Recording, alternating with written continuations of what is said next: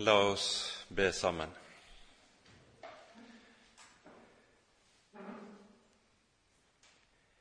Kjære gode Gud og Hellige Far.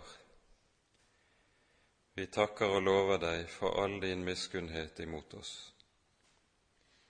Takk, Herre, at du som troner så høyt, har bøyet deg så dypt ned da du ga din egen sønn i vårt sted.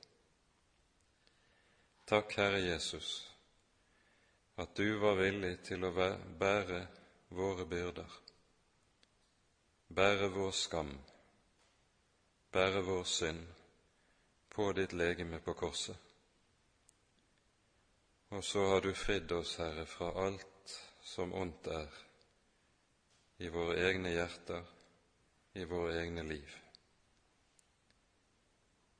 Så ber vi, Herre, at du vil sende din ånd og lukke opp vår forstand, slik vi sang.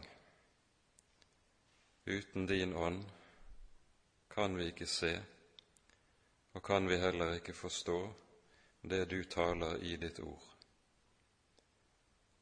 Herre, kom du, og gi oss stillhet for ditt ansikt og lys i ditt ord. Det ber vi for Jesus skyld. Amen.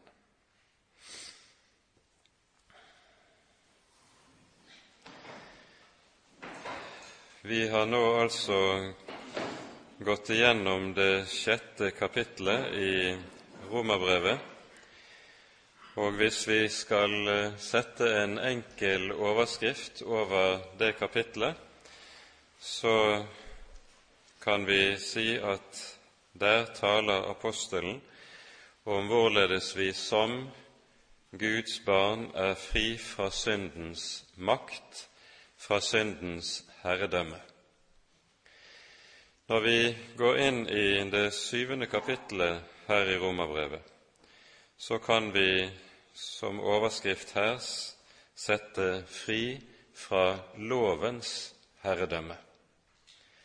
Det å være en kristen, det er å være fri fra loven.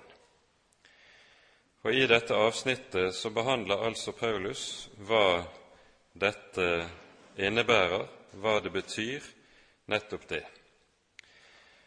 Og Grunnen til at disse to kapitlene da følger på hverandre som de gjør i dette hovedavsnittet hvor apostelen taler om helliggjørelsen, det er jo den grunnleggende kjensgjerning at synden og loven henger uløselig sammen. Den som er under synd, han er også underlagt loven. Og den som er undergitt loven, han er også undergitt syndens herredømme. De to tingene hører uløselig sammen. Og Derfor er det de også hører organisk sammen, slik vi leser om det her i Romerbrevet. Kapittel seks i Romerbrevet munner ut i et, dette skarpe enten-eller, som handler om at enten byr vi oss selv og våre lemmer frem for synden som tjenere for urettferdigheten, eller så byr vi oss selv og våre lemmer fremfor rettferdigheten til evig liv og til helliggjørelse. Her er det altså et meget skarpt enten-eller. Og dette enten-eller, det er det vi også hører når vi går inn i kapittel 7, de seks første versene i dette kapitlet. Men før vi gjør det, så vil vi bare få minne om og understreke det som står i det siste verset i kapittel 6. For her drar apostelen sammen eh, konklusjonen på det som er skrevet i det foregående avsnittet. For den lønn som synden gir, er døden. Men Guds nådegave er evig liv i Kristus Jesus, vår Herre. Og legg nå nøye merke til hvordan apostelen ordlegger seg. For det er aldri tilfeldig hvordan Paulus velger sine ord. Han er meget nøye, og han er meget nøyaktig når det gjelder måten han ordlegger seg på. For det første så hører vi, når det også her understrekes dette store enten-eller, så brukes det to vidt forskjellige begreper når det er tale om livets to utganger og den endelige dom. Den lønn som synden gir, er døden. Det som apostelen dermed understreker, det er at dersom et menneske skal kommer til å gå evig fortapt, da vil det være ettersom det dømmes på grunnlag av Guds hellige lov. Og da får et menneske lønn som fortjent. Det må være noe av det forferdeligste som et menneske kan oppleve, at på den siste store dag så gir Gud meg lønn som fortjent. Da har jeg intet håp. Da er det bare dom, da er det bare vrede som vil vente et menneske. Og når det her brukes uttrykket 'døden', så skal ordet 'død' i denne sammenheng tas i ordets fulle betydning.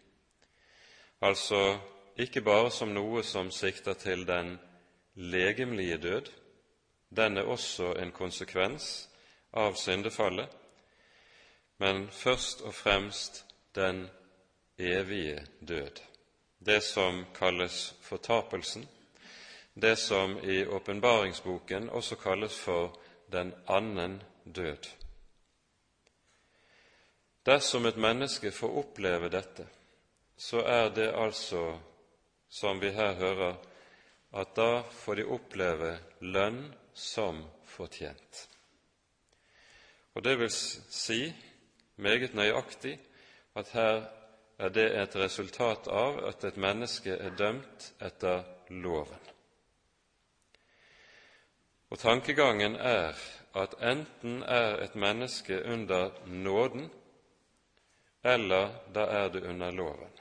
Og dette får på den siste store dag det utslaget at er en under synden, er en under loven, da dømmes en også etter loven på den siste store dag. Da har et menneske intet håp. Da står et menneske under Guds vrede. Motsatt så merker vi oss når det taler om de som arver det evige liv, så brukes ikke begrepet lønn for å beskrive det. I stedet sies det Guds nådegave. Når et menneske blir frelst og arver det evige liv, da får et menneske noe det nettopp ikke har fortjent eller vi kan si det slik et menneske mottar noe som en annen har fortjent i dets sted. Jeg får og jeg mottar det som Jesus har fortjent. Og Derfor formuleres det altså slik Guds nådegave er evig liv i Kristus Jesus, vår Herre. Vi legger også merke til at her brukes, som flere andre steder i romerbrevet, ordet nådegave som nettopp en betegnelse på selve frelsen. Vi er jo vant til at ordet nådegave, ikke minst i dagens åndsklima, stort sett anvendes om Åndens særlige gaver, og som vi leser om i 1. Korinterbrevs tolvte kapittel eksempelvis. Til det er det å si at når det samme begrepet brukes på Åndens særlige gaver, som vi her hører ordet anvendes om selve frelsen, så er det fordi Åndens gaver er en frukt av at et menneske står i nåde hos Gud og eier frelsens nådegave. De to ting hører uløselig sammen, og derfor vil en aldri tale rett om det vi kaller for de ekstraordinære nådegaver, dersom en ikke også setter dem uttrykkelig i sammenheng og ser dem som frukt av det som er den egentlige nådegaven, og som Paulus her omtaler. Guds nådegave er evig liv i Kristus Jesus, vår Herre. Det innebærer at de ekstraordinære nådegavene er å se på og er å forstå som virkninger av nåden, av evangeliet, i et troende menneskes hjerte. Og Derfor er det også slik at det bare i kraft av og i den utstrekning et menneske har sett inn i evangeliet, at det også har del i Åndens sanne gaver. Hvis det vi i dag kaller for Åndens særlige gaver, ikke slik er en frukt av nettopp evangeliet, lyset i og kjennskapet til evangeliet, da er det ikke sanne Åndens gaver. Da er det et eller annet som mennesket har tiltatt seg, og som ikke er virket av Ånden ved evangeliet. Dette er jo også noe som Paulus understreker meget uttrykkelig i det tredje kapittelet i Galaterbrevet. Der sier han uttrykkelig i vers 3 slik Bare dette vil jeg få vite av dere. Var det ved lovgjerninger dere fikk Ånden, eller ved troens forkynnelse? Og han gjentar spørsmålet to vers nedenfor og stiller spørsmålet er det ved lovgjerninger Ånden virker kraftige gjerninger iblant dere, eller er det ved evangeliets forkynnelse? Denne saken er i dagens åndsklima meget viktig å være oppmerksom på, for uten det så vil en meget fort komme inn i en tenkning der de åndelige gaver blir noe som er knyttet til ulike former for loviskhet eller lovstrev. Og Dette er dessverre også noe vi ser i mange av disse sammenhenger hvor en er meget opptatt av de åndelige gaver. Der lyder evangeliet ofte meget lite klart. Og så er det lovstrevet som gjerne kommer inn i stedet. Dette henger altså sammen med og kommer til uttrykk i språkbruken som vi finner hos apostelen. Guds nådegave er evig liv i Kristus Jesus, vår Herre. Nå fortsetter apostelen så i det syvende kapittel, og vi nå leser nå de seks første versene i dette kapittelet. Eller vet dere ikke, brødre, jeg taler jo til slike som kjenner loven, at loven hersker over mennesket så lenge det lever. Den gifte kvinne er jo ved loven bundet til sin mann så lenge han lever. Men dersom mannen dør, er hun løst fra loven som bandt henne til mannen. Derfor skal hun kalles en horkvinne om hun, mens mannen lever, ekter en annen mann. Men dersom mannen dør, er hun fri fra loven, så hun ikke blir en horkvinne om hun ekter en annen mann. Derfor, mine brødre, døde også dere fra loven ved Kristi legeme, for at dere skulle høre en annen til, ham som er oppstanden fra de døde, så vi kan bære frukt for Gud.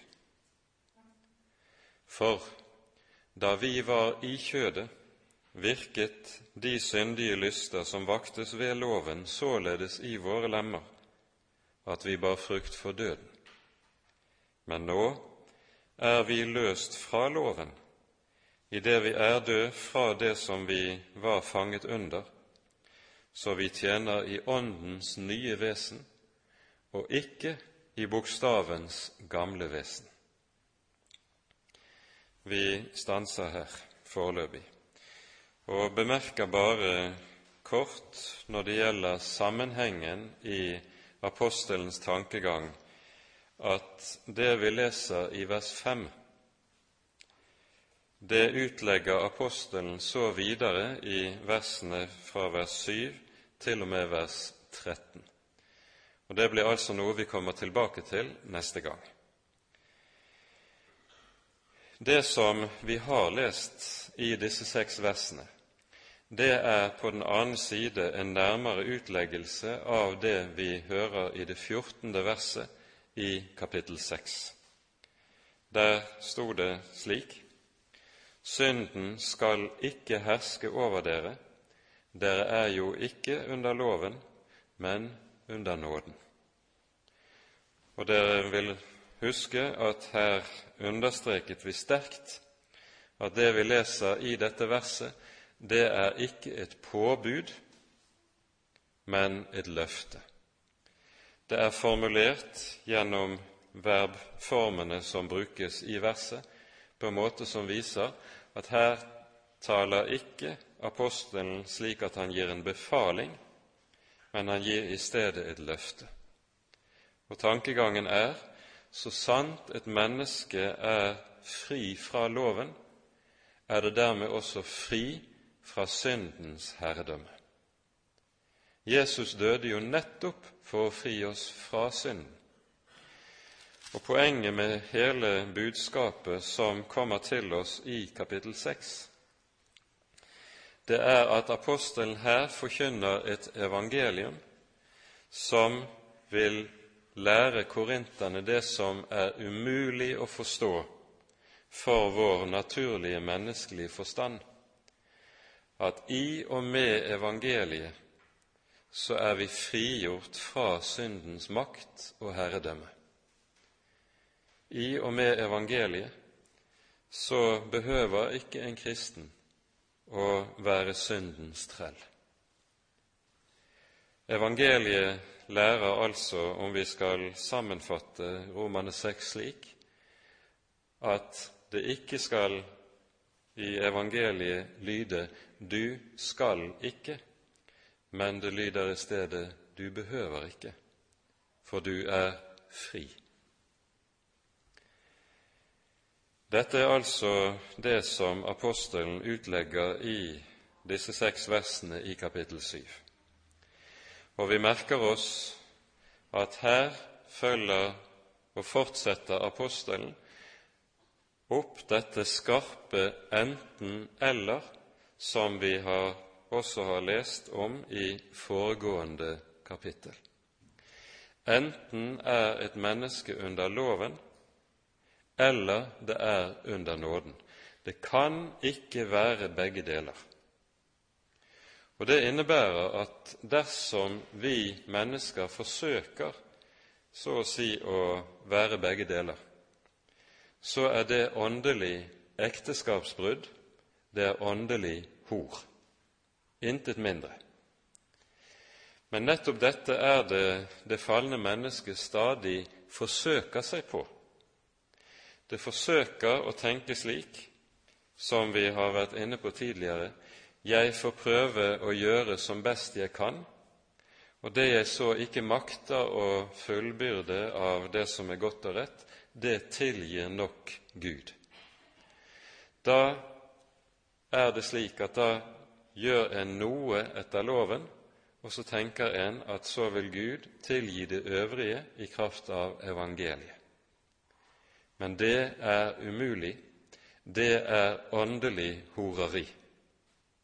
Og det er det som er apostelens tankegang når han bruker bildet med ekteskapet i denne sammenheng. Det er et enten-eller. Her er det ingen bigami, det er én mann og én hustru.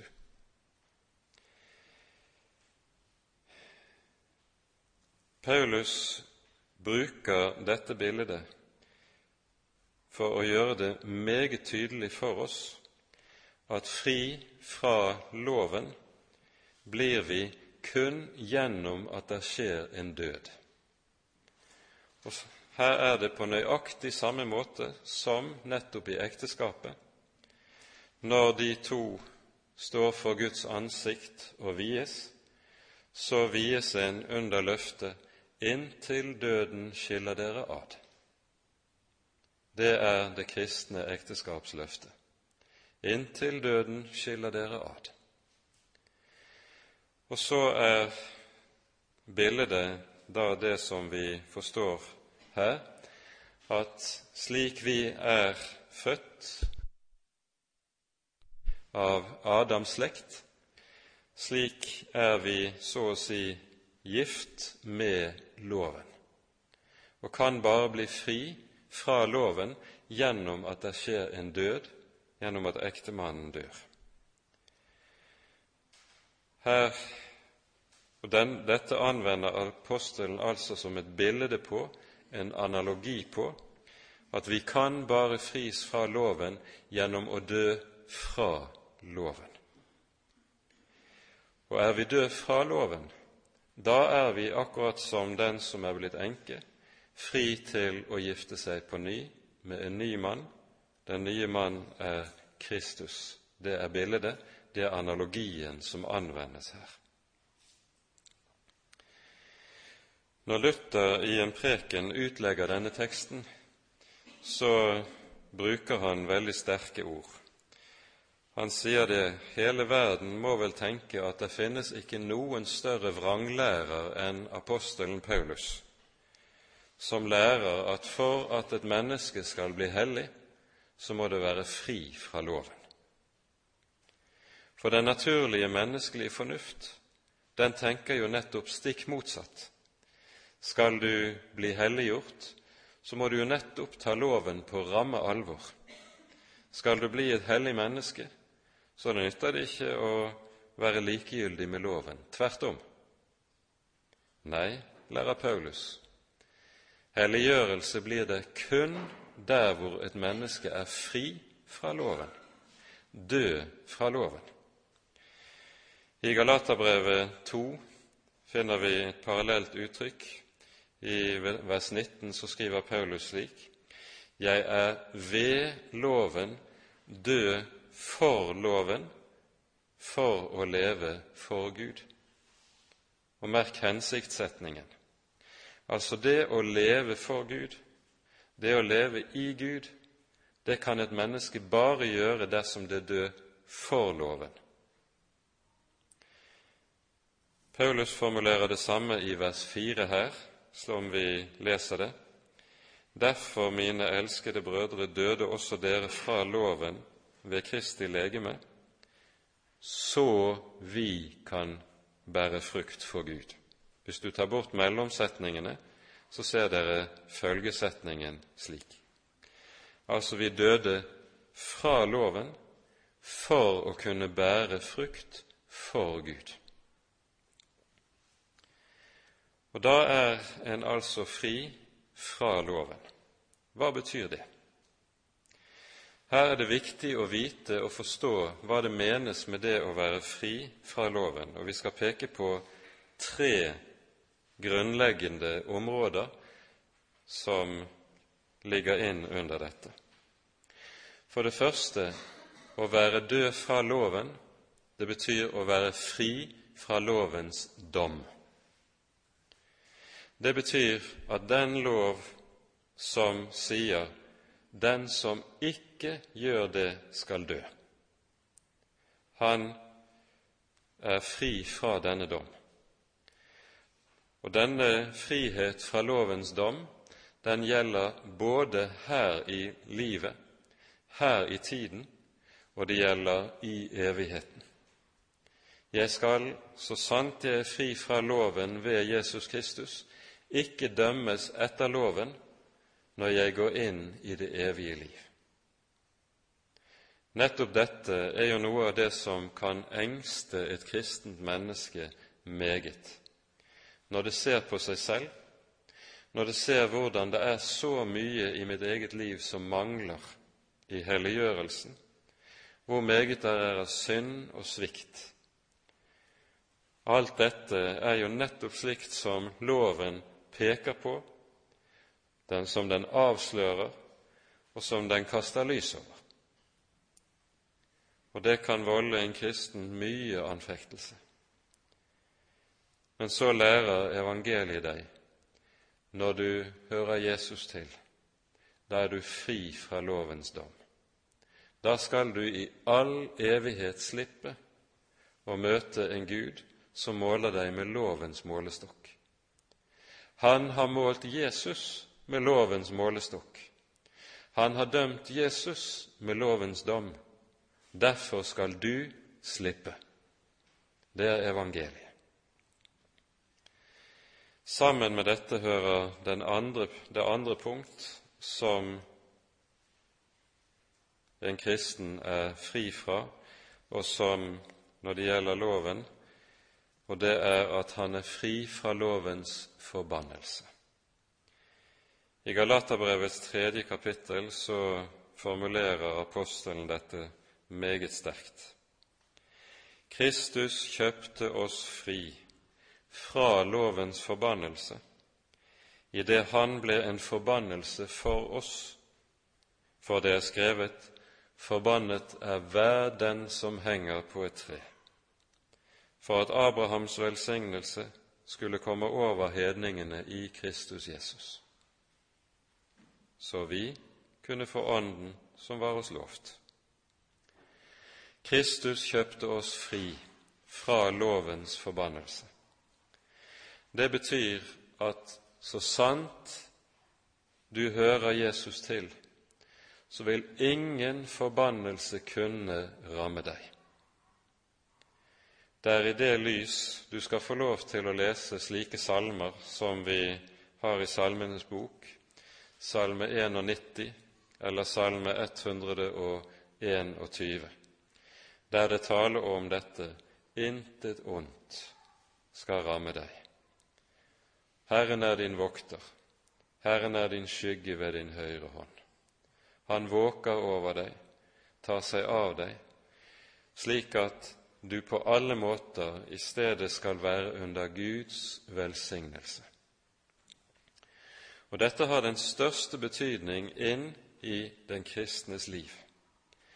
For det det innebærer, det er jo at alt det som rammer meg her i verden, av ting som kan smerte og volde ondt.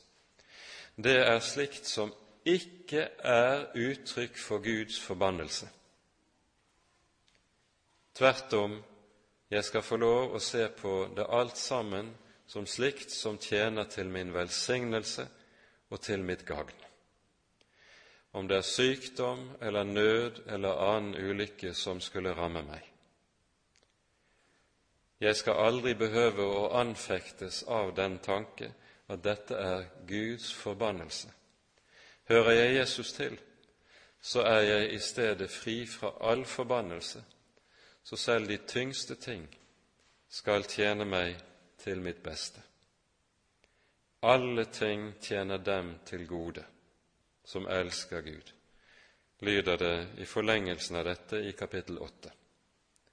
Og det er samme sak det dreier seg om i dette. Det er altså helt avgjørende for en kristen når han står overfor de ting som smaker bittert og er vondt og vanskelig å møte her i livet, at han ikke skal behøve å tenke 'dette som nå rammer meg, er uttrykk for Guds vrede', det er uttrykk for Guds forbannelse. Nei, hører du Jesus til, så vil trengselen virke til ditt gagn og til din velsignelse. For det tredje innebærer det å være fri fra loven at en kristen også er fri fra loven som vilkår for gudsforholdet. Lovens vilkår for gudsforholdet, det handler om at dersom du gjør det, da eier du Guds velbehag. Men nettopp dette sinnet som knytter vilkår til gudsforholdet, det er et sinn som meget fort og meget lett kan komme inn i et kristens menneskes hjerte. En tenker som så nå har jeg ikke lykkes verken med bibellesning eller med bønn sånn som jeg skulle det.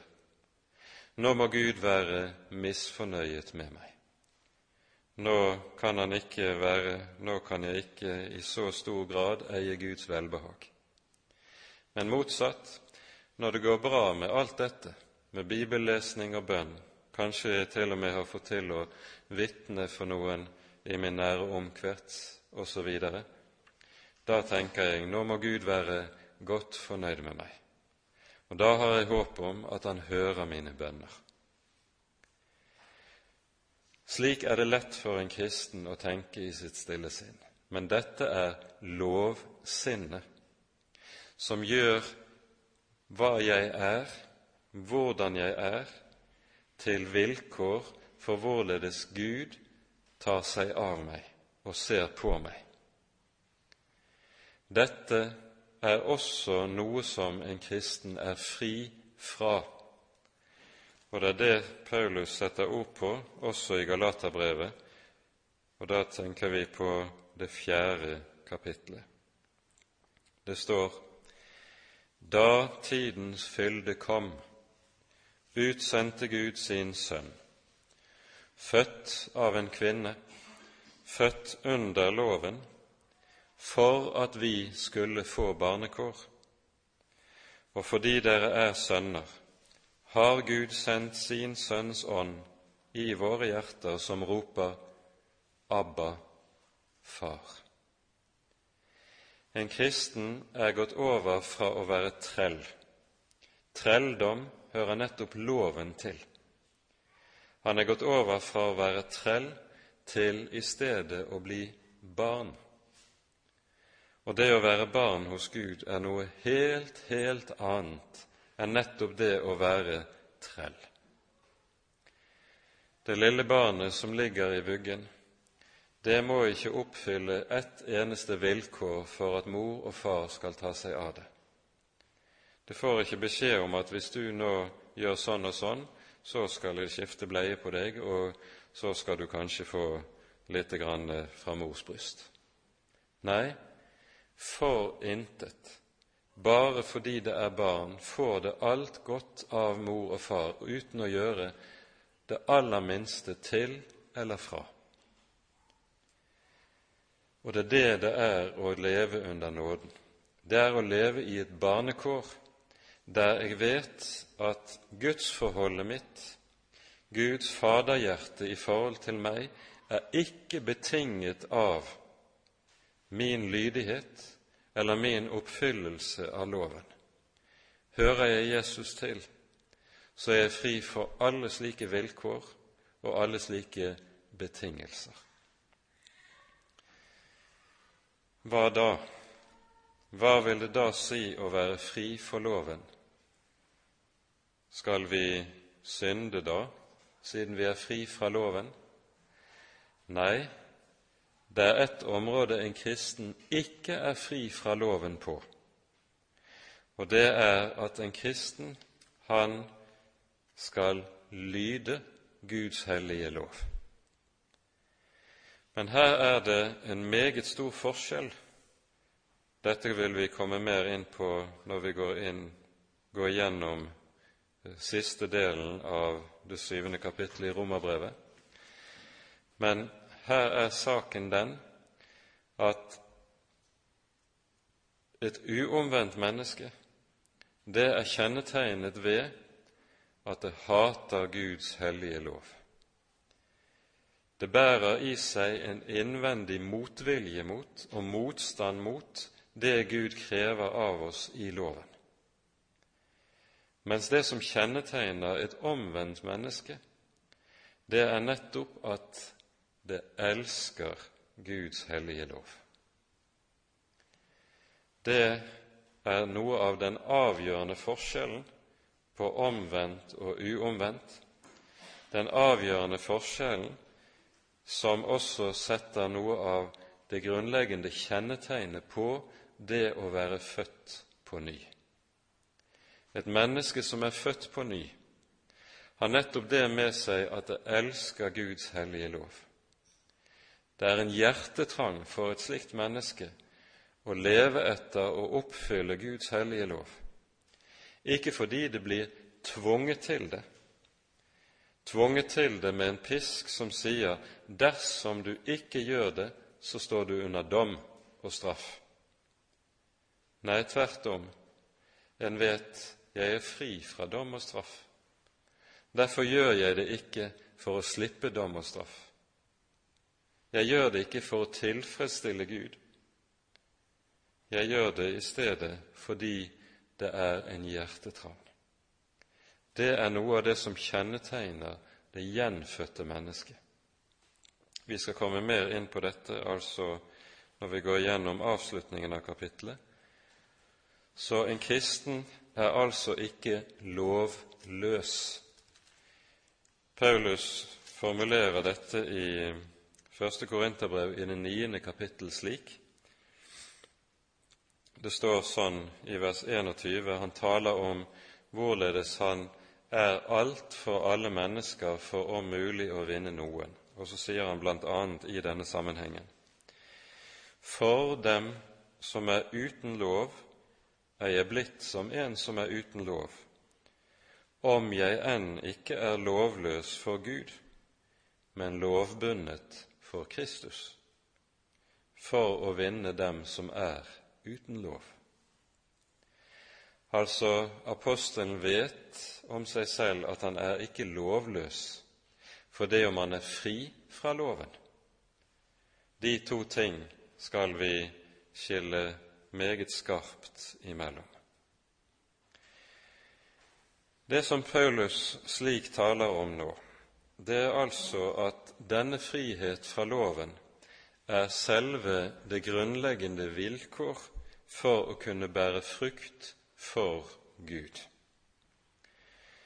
Og Det er da også slik vi ser sammenhengen i Galaterbrevet, i kapittel 5, hvor det nettopp understrekes denne friheten som en kristen eier i evangeliet. Til frihet har Kristus frigjort oss. La dere derfor ikke atter legge under trelldommens åk, innledes kapittel 5 i Galaterbrevet med. Og så taler han om nødvendigheten av at en kristen lever i evangeliet og for å bevares mot på ny å komme inn under loven, dette som var den store fare for galaterne. I dette kapitlet understrekes det også meget skarpt hvor farlig det er å komme inn under loven igjen.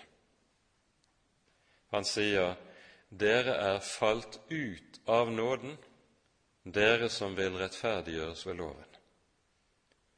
Det skarpe enten-eller opprettholdes. Og så hører vi henimot avslutningen av kapitlet hva som er Åndens frukt.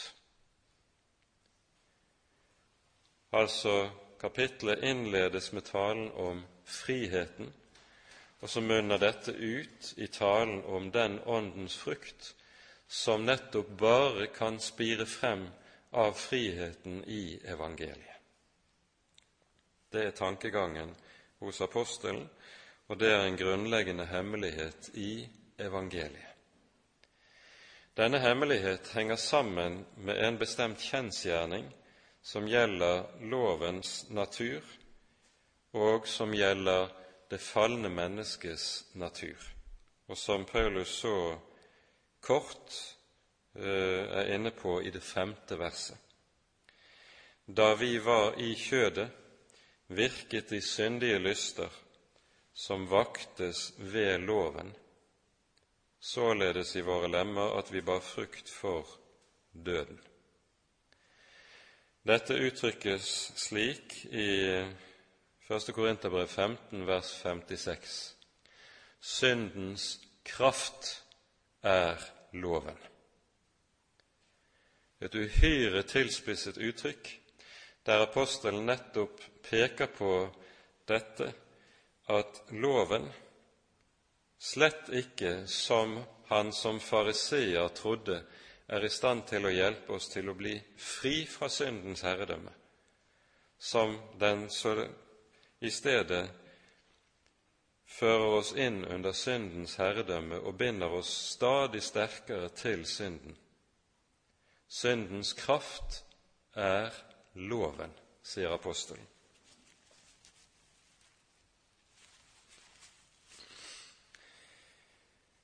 Når vi hører slike uttrykk, så skal vi være oppmerksom på at vi da ikke må tenke sånn som det er lett for oss å gjøre ut fra vår naturlige tanke om synd, at her er det tale om grove ytre synder. Rett nok kan det komme slik til uttrykk. Det er så å si det ene utslaget av lovens herredømme, at hos noen mennesker virker loven slik at, som vi kjenner godt til det, forbuden frukt smaker best.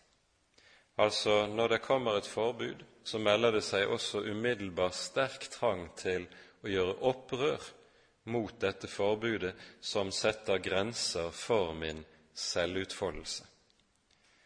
Det er jo det som i dag kalles for frihet, at mennesker skal ha rett til å gjøre hva de vil uten at noen, ei heller Gud, skal kunne sette grenser for meg.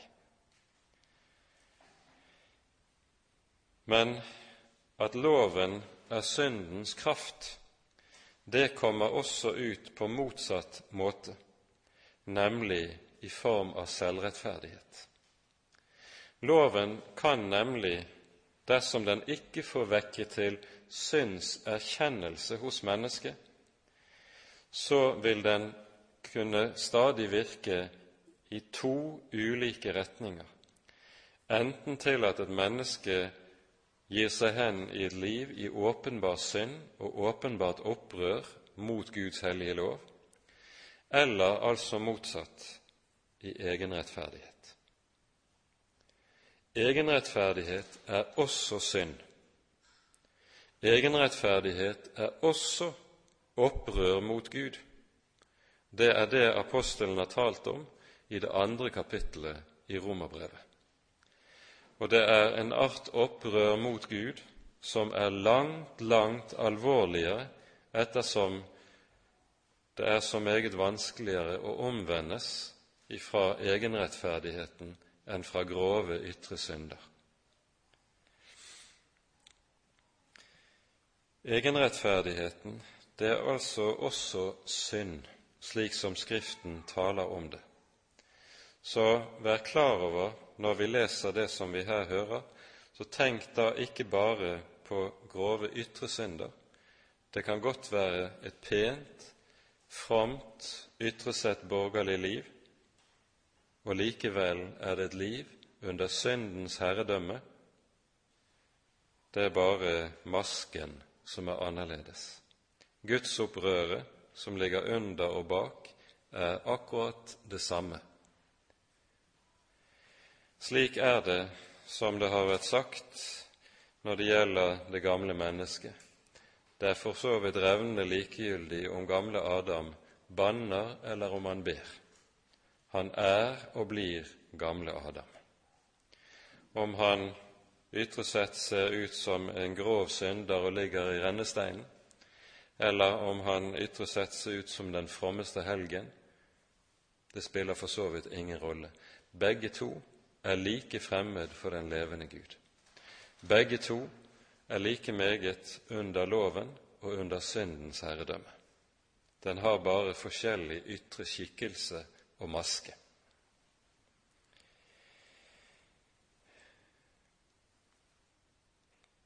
Avsnittet vårt avsluttes med ordene vi leser i vers 6. Men nå, men nå er vi løst fra loven idet vi er død fra det vi var fanget under, så vi tjener i Åndens nye vesen, og ikke i bokstavens gamle vesen. Her bruker apostelen to uttrykk som det også er viktig å kjenne til og bli fortrolig med. Vi hører mer om dem i 2. Korinterbrevs tredje kapittel. Her skriver apostelen slik:" En sådan tillit har vi til Gud ved Kristus. Ikke at vi av oss selv duger til å uttenke noe som av oss selv, men vår dugelighet er av Gud, som gjorde oss dugelige til å være tjenere for en ny pakt, ikke for bokstav, men for ånd. For bokstaven slår i hjel, men ånden gjør levende. Det er samme uttrykksmåten vi altså møter igjen her i Romane 7. Dette er jo et av de bibelvers som kanskje misbrukes aller mest, ikke minst i våre dager, når det nemlig lyder 'bokstaven slår i hjel, men ånden gjør levende', så kan du ikke så rent sjelden høre dette utlegges som følger. Det betyr at du må ikke lese Bibelen bokstavelig. Det slår i hjel, men du må forstå den åndelige betydningen av versene som ligger bakom teksten. Det er det reneste sludder, for å si det pent. Det som disse to uttrykkene betyr, bokstaven og ånden, det ser man meget tydelig av sammenhengen som vi finner her i dette kapitlet. Bokstaven, det er betegnelsen på Guds hellige lov, som med bokstaver var innskrevet på steintavler, innskrevet med Guds egen finger. Det er altså loven som kalles for bokstaven. Og loven har altså denne dødens tjeneste, skriver apostelen. Ånden, derimot, det er betegnelsen på evangeliet. Og at evangeliet betegnes med Ånden, det henger jo sammen med at Den hellige ånd har som sitt, sin særlige oppgave nettopp å åpenbare evangeliet. Evangeliet er nemlig det som intet øye har sett, intet øre har hørt, og som ikke er oppkommet i noe menneskes hjerte. Altså noe som intet menneske kan finne ut av eller finne frem til av seg selv ut fra egne forutsetninger. Det må åpenbares ved Den hellige ånd. Og Derfor er det at Jesus også sier om Ånden når han kommer han skal herliggjøre meg. Ånden forkynner evangeliet. Når det gjelder loven, så har det naturlige mennesket et visst naturlig kjennskap til den.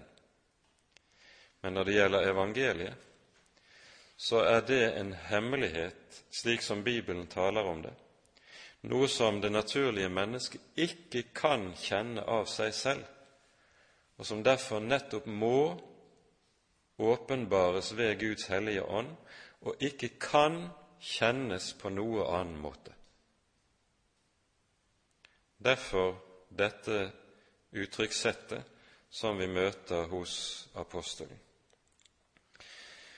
Og Når apostelen i 2. Korinterbrevs tredje kapittel, vi rekker ikke å gå gjennom dette i detalj, taler nettopp om forskjellen på lovens embete og gjerning og evangeliets embete og gjerning, så ser vi hvorledes dette har den største betydning også inn i helliggjørelsen. For det første understrekes det også her det som vi har talt om, nemlig friheten. I vers 17 så står det Herren er Ånden, og hvor Herrens ånd er, der er frihet. Det er friheten i evangeliet det er tale om. Og så fortsetter det i det neste verset.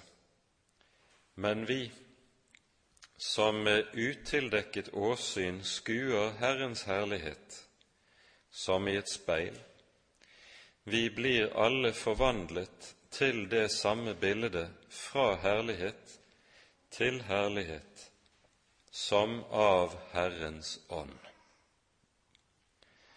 Tankegangen her som ligger bak, det er at vi i disse versene hører Paulus utlegge et bestemt avsnitt i Andre Moseboks 33. kapittel. Her hører vi Moses som går i forbønn for Israel etter synden med gullkalven. Og denne forbønnen kan vi lese foregår nærmest som en samtale mellom Herren og Moses, der Moses så å si trenger stadig tettere inn på Gud, inntil han til slutt ber La meg da få se din herlighet. Og så svarer Gud, Jeg vil la all min godhet og all min miskunnhet gå forbi ditt åsyn, for jeg vil miskunne meg over den jeg miskunner meg over, og være nådig mot den jeg er nådig imot. Men du kan ikke se mitt åsyn, for intet menneske kan se meg og leve.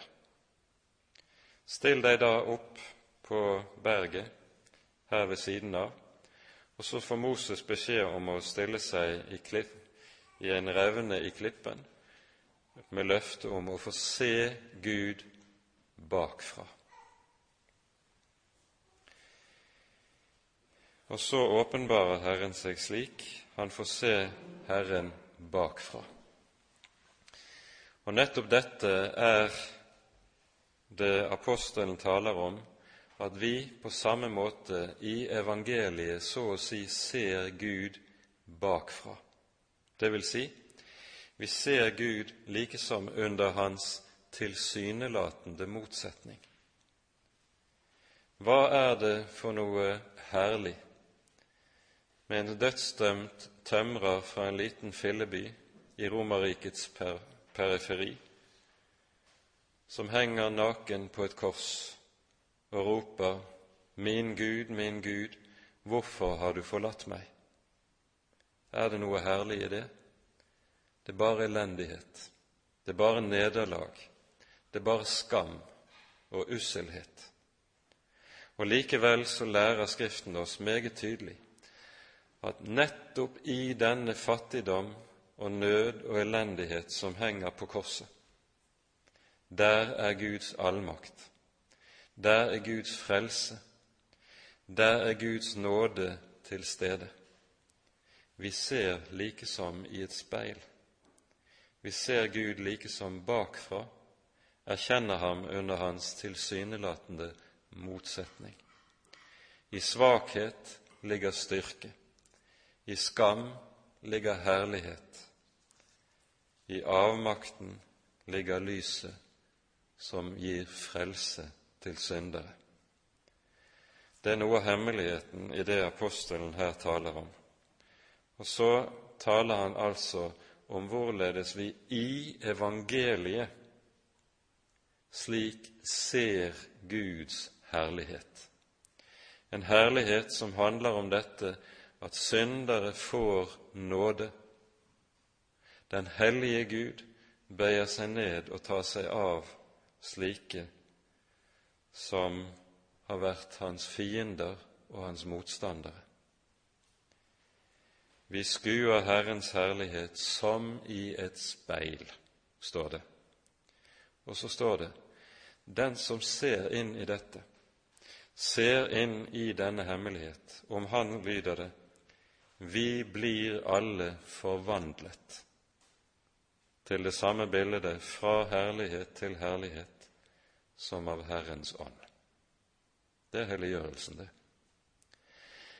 Helliggjørelse er altså noe som ikke skjer gjennom selvstrev, men gjennom at et menneske får se inn i evangeliet, får lov til å se hemmeligheten.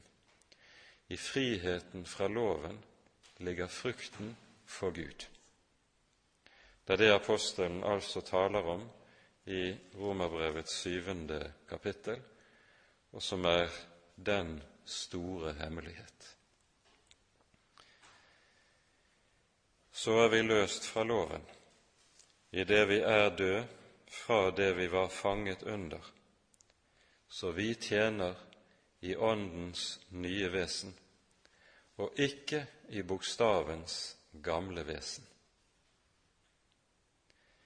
Ære være Faderen og Sønnen og Den hellige ånd, som var og er og være skal, en sann Gud, høylovet i evighet. Amen.